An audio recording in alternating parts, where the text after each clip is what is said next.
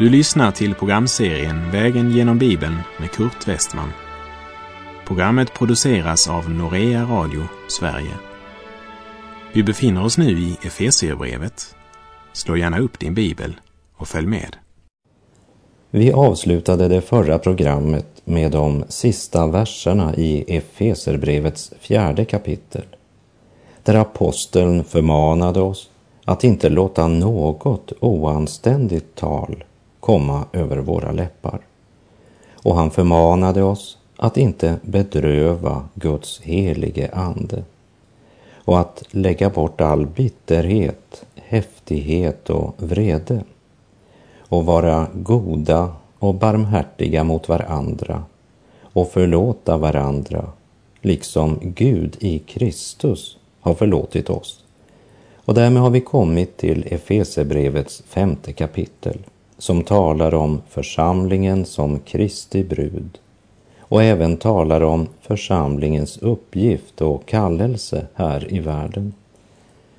Och här talas även om församlingens erfarenheter samt den kristna församlingens framtidsutsikter och eviga hopp. I kapitel 4 säger han att församlingens medlemmar har iklätts den nya människan som är skapad till likhet med Gud i sann rättfärdighet och helighet. Och i kapitel 5 går han ett steg vidare och kallar församlingen för Kristi brud. Så Efesebrevets femte kapitel vänder nu blicken mot det som är församlingens framtidshopp. Den som har kommit till tro är en ny skapelse i Kristus och denna nya människa har avskilts från världen och trolovats med Kristus. Och som hans utvalda brud gör hon sig redo i väntan på själva bröllopsfesten. I Johannes uppenbarelsebok 21, vers 2 står det Och jag såg den heliga staden, det nya Jerusalem, komma ner från himlen, från Gud, redo som en brud som är smyckad för sin brudgum. Och i Johannes uppenbarelsebok 21, vers 9 en av de sju änglarna med de sju skålarna som var fyllda med de sju sista plågorna kom och talade till mig och sade Kom, jag ska visa dig bruden, Lammets hustru. Efeserbrevets tema är något mer än endast en förmaning till enhet och renhet. Det talar om kristen erfarenhet, alltså det vi är. Och kristen teologi, alltså det vi tror. Och det talas om kristen etik, hur vi lever. Och det låter oss förstå att allt detta oskiljaktigt hör samman. Det vi tror och det vi gör hör oskiljaktigt ihop. Och den som är trolovad med Kristus och lever i väntan på att brudgummen ska komma och hämta sin brud förbereder sig med glädje och förväntan till den stora bröllopsfesten. I Andra Korinterbrevets elfte kapitel säger Paulus att han brinner av iver för det troende med den eld som kommer från Gud. Och så säger han vidare jag har trolovat er med en enda man för att föra fram en ren jungfru inför Kristus. När en kvinna är förlovad och förbereder sig för bröllopsdagen så har hon inte tid för sina gamla pojkvänner. Hon springer inte ut med John ikväll, med Lasse i morgonkväll och Anders kvällen därefter. Hon har förlovat sig med någon som nu upptar hela hennes intresse. Hon ser hela sin tid fram till bröllopet som en förberedelsetid. Hur skulle du och jag som är förlovade med Kristus kunna leva så som hedningarna gör, frågar Paulus. Vi ska snart träda fram inför vår brudgum för att därefter i evighet leva tillsammans med honom. Vi läser Efesebrevet 5, vers 1 och 2. Bli Guds efterföljare, ni som är hans älskade barn, och lev i kärlek så som Kristus har älskat oss och utlämnat sig själv för oss som offergåva, ett välluktande offer åt Gud. Paulus etik, den är fullständigt gudcentrerad och han förmanar oss att leva som det vi är, Guds älskade barn.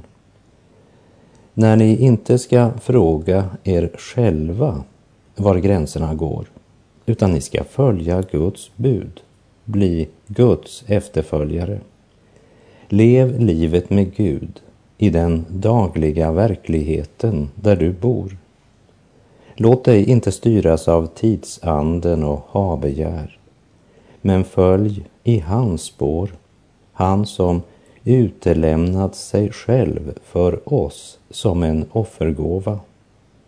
Utlämnat sig själv talar om offerdöden på korset.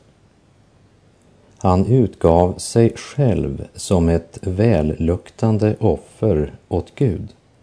I Romarbrevet 12.1 står det, så förmanar jag nu er, bröder, vid Guds barmhärtighet, att frambära era kroppar som ett levande och heligt offer som behagar Gud, er andliga gudstjänst.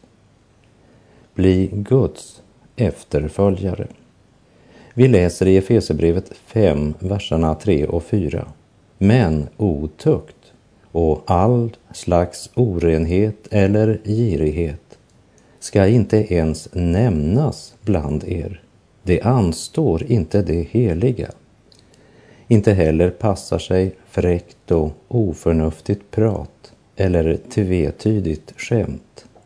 Tacka istället Gud. Lägg märke till att Paulus, efter att ha talat om att vara Guds efterföljare och talat om honom som gav sig själv som ett offer, så talar han om offrets motsats, nämligen att själviskt begära. Ett Guds barn ska inte ta del i något som är omoraliskt. Och det handlar inte bara om att undgå själva handlingen, men vi ska varken tänka eller tala om sådant.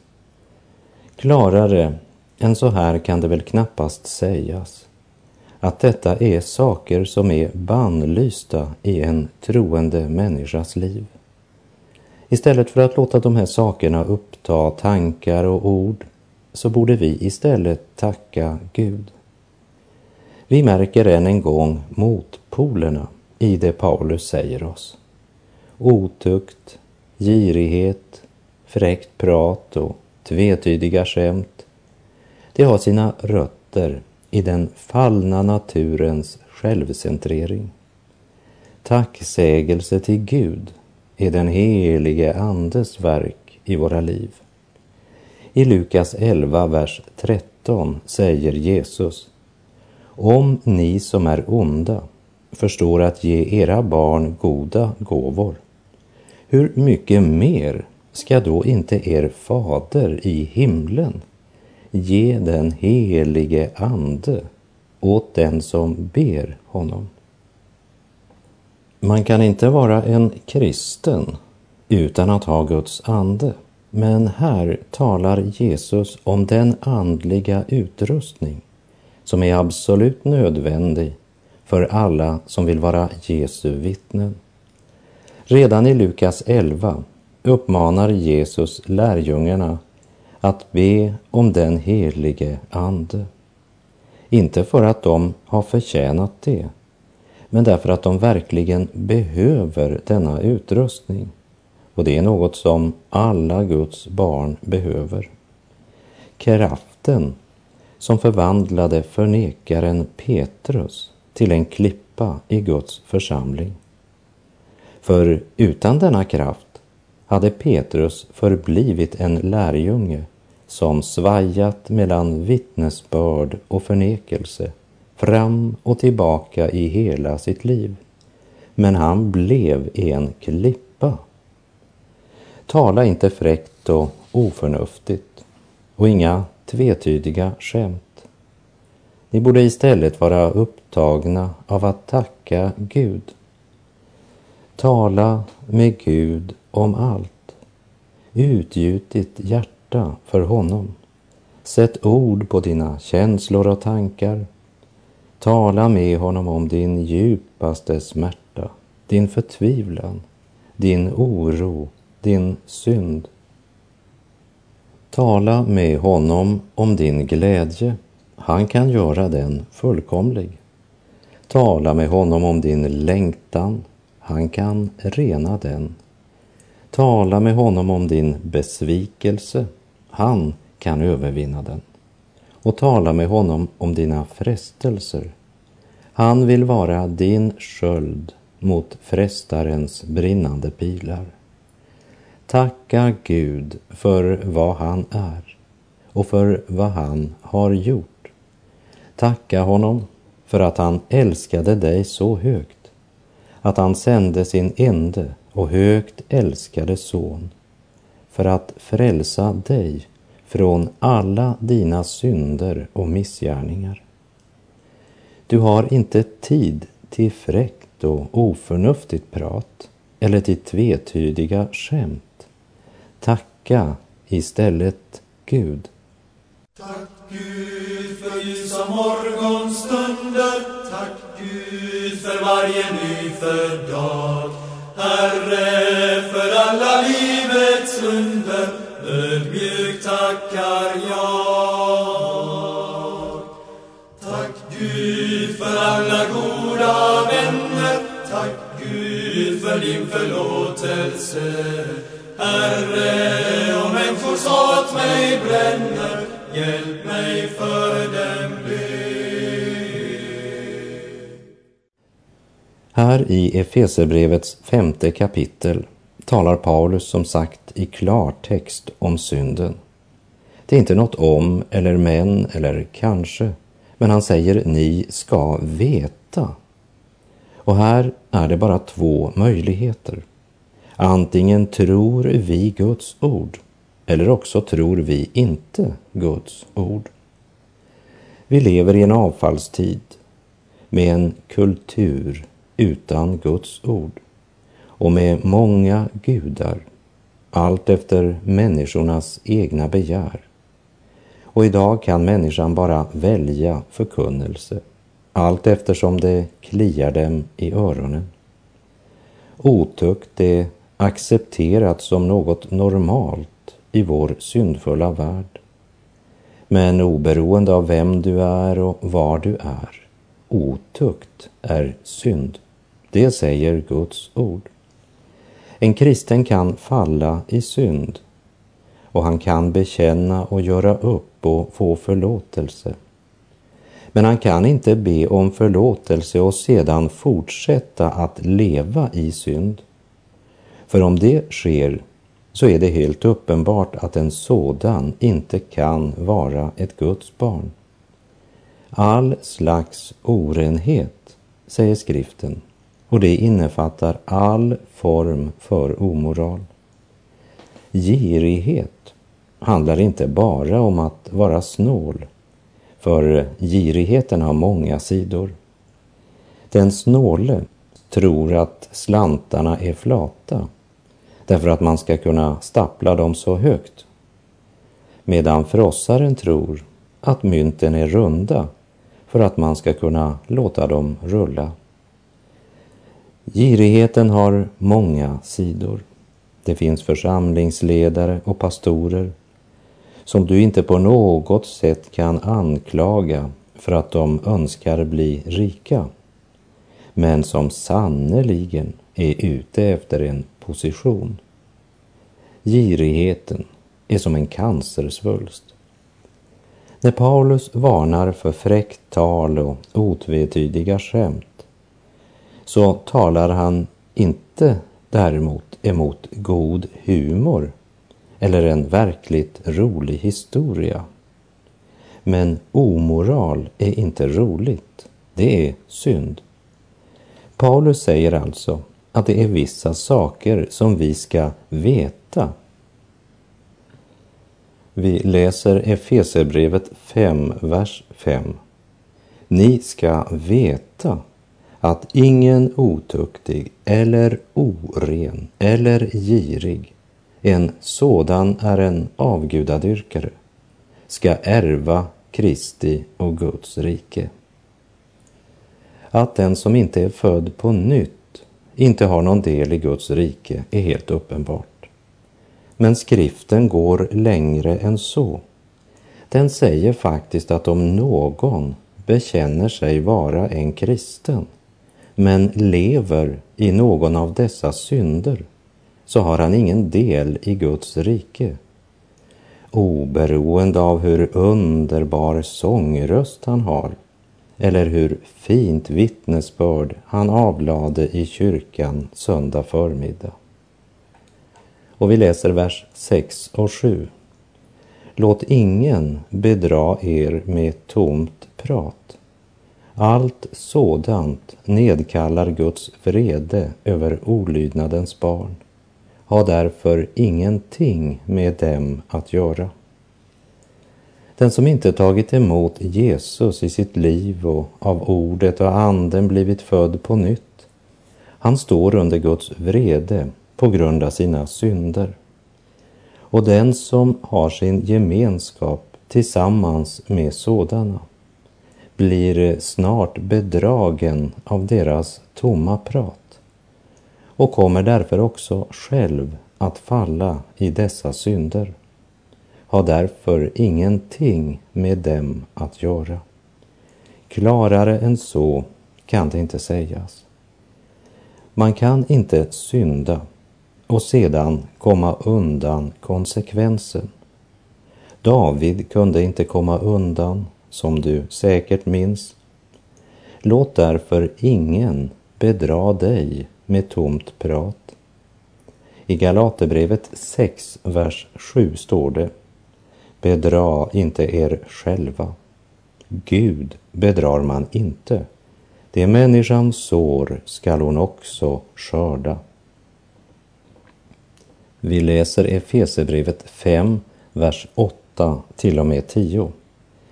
Ni var en gång mörker, men nu är ni ljus i Herren. Vandra då som ljusets barn. Ty ljusets frukt består i allt vad godhet, rättfärdighet och sanning heter och pröva vad som är Herren kärt. Paulus påminner dem om hur deras livssituation var innan de blev omvända till Gud. De inte bara var i mörker, men de var själva mörker. Han talar om skillnaden mellan det brevets mottagare en gång var och det de nu är genom Guds nåd. Nu är ni ljus. I Johannes 8.12 säger Jesus Jag är världens ljus. Den som följer mig ska inte vandra i mörkret utan ha livets ljus. Den som följer Jesus ska inte vandra i mörkret. Men han säger något mer än det. Han säger faktiskt att den som följer honom har livets ljus. Och i sin bergspredikan sa han till lärjungarna, ni är världens ljus. Och här i Efesebrevet 5 säger Guds ord, vandra då som ljusets barn. Ty ljusets frukt består i allt vad godhet, rättfärdighet och sanning heter och pröva vad som är Herren kärt.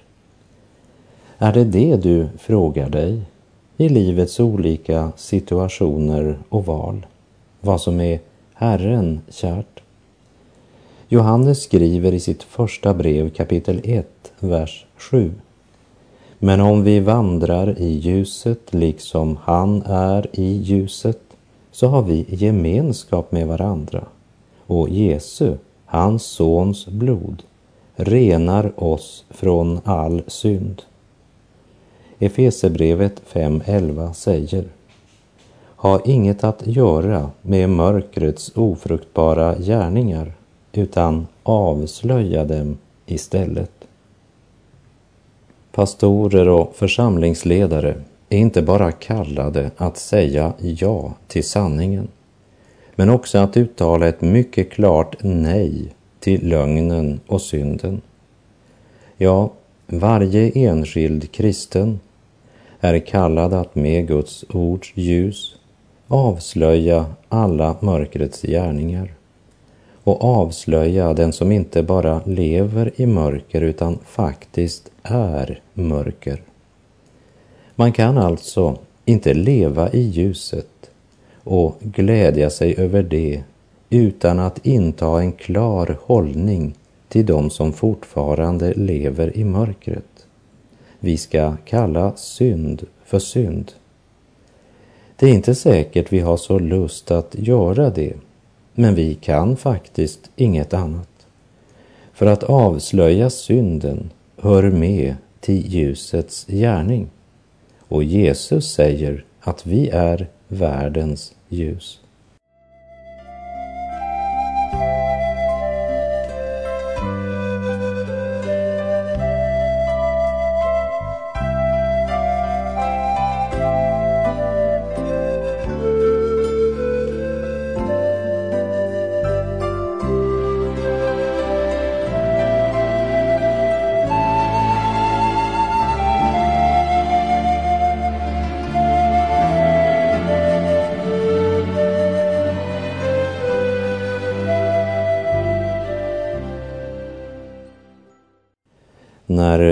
Paulus talar om de som lever i mörkret så säger han vidare i Efesebrevet 5, vers 12 och 13.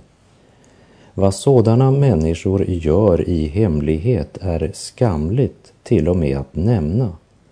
Men allt kommer i dagen när det uppenbaras av ljuset. Den som genom Guds ord söker klarhet i vad Herren har kärt han kan aldrig göra gemensam sak med de ogudaktiga eller ta del i deras gärningar. Utan som Guds barn måste vi istället klart och tydligt tillrättavisa dem. Hur ska de eljest kunna väckas till att inse att just det de tror är så väl dolt förr eller senare måste fram i ljuset? Om inte förr så på domens dag. Bered dig att möta din Gud. I Första Korinthierbrevet 11, vers 31 står det Om vi gick till rätta med oss själva skulle vi inte bli dömda.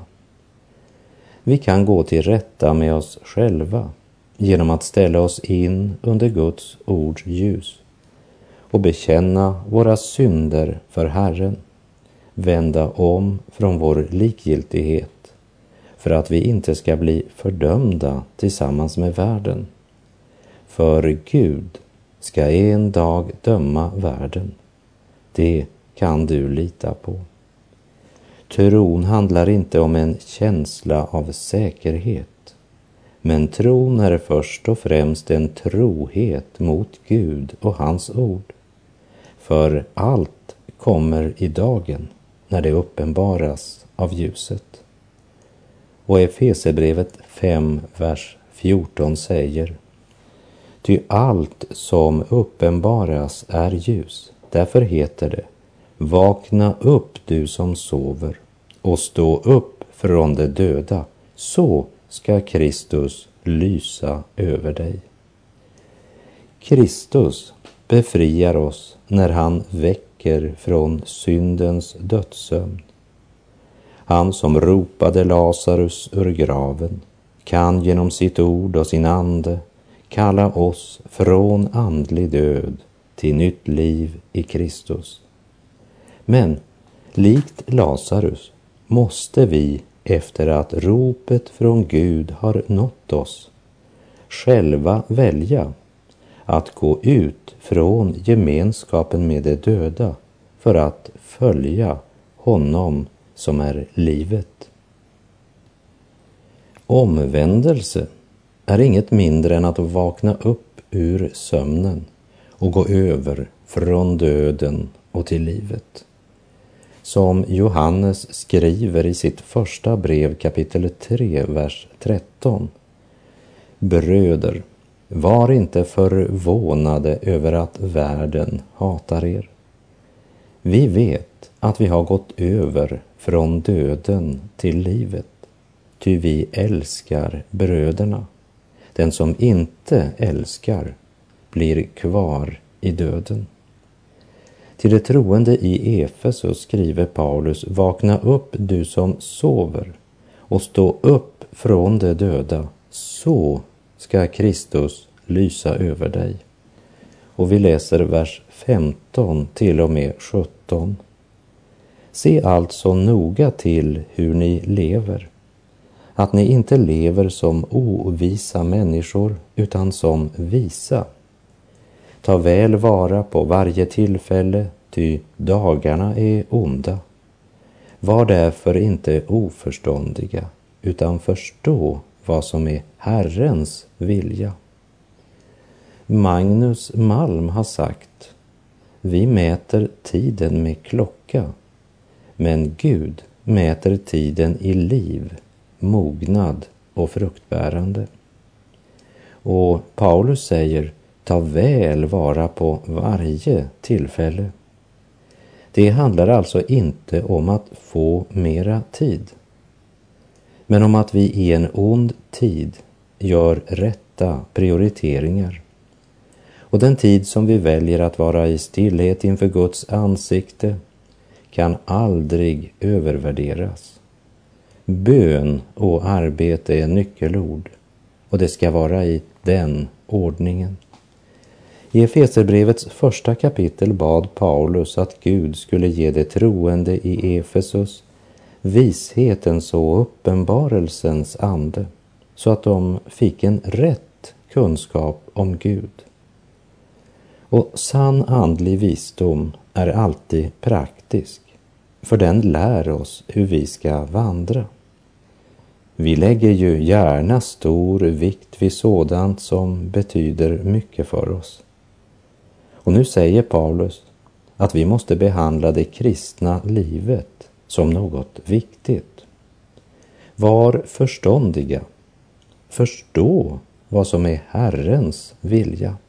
Det vill säga, det är dårskap att vara egenrådig. Och att söka Herrens vilja är därmed tecken på vishet. Och då kommer vi steg för steg att förstå mer och mer av meningen med vårt liv och hur vi ska kunna leva till Herrens ära och till församlingens välsignelse och våra medmänniskors frälsning. Var inte oförståndig, utan förstå vad som är Herrens vilja. Och med det så är vår tid ute för den här gången. På återhörande om du vill. Herren vare med dig. Må hans välsignelse vila över dig. Gud är god.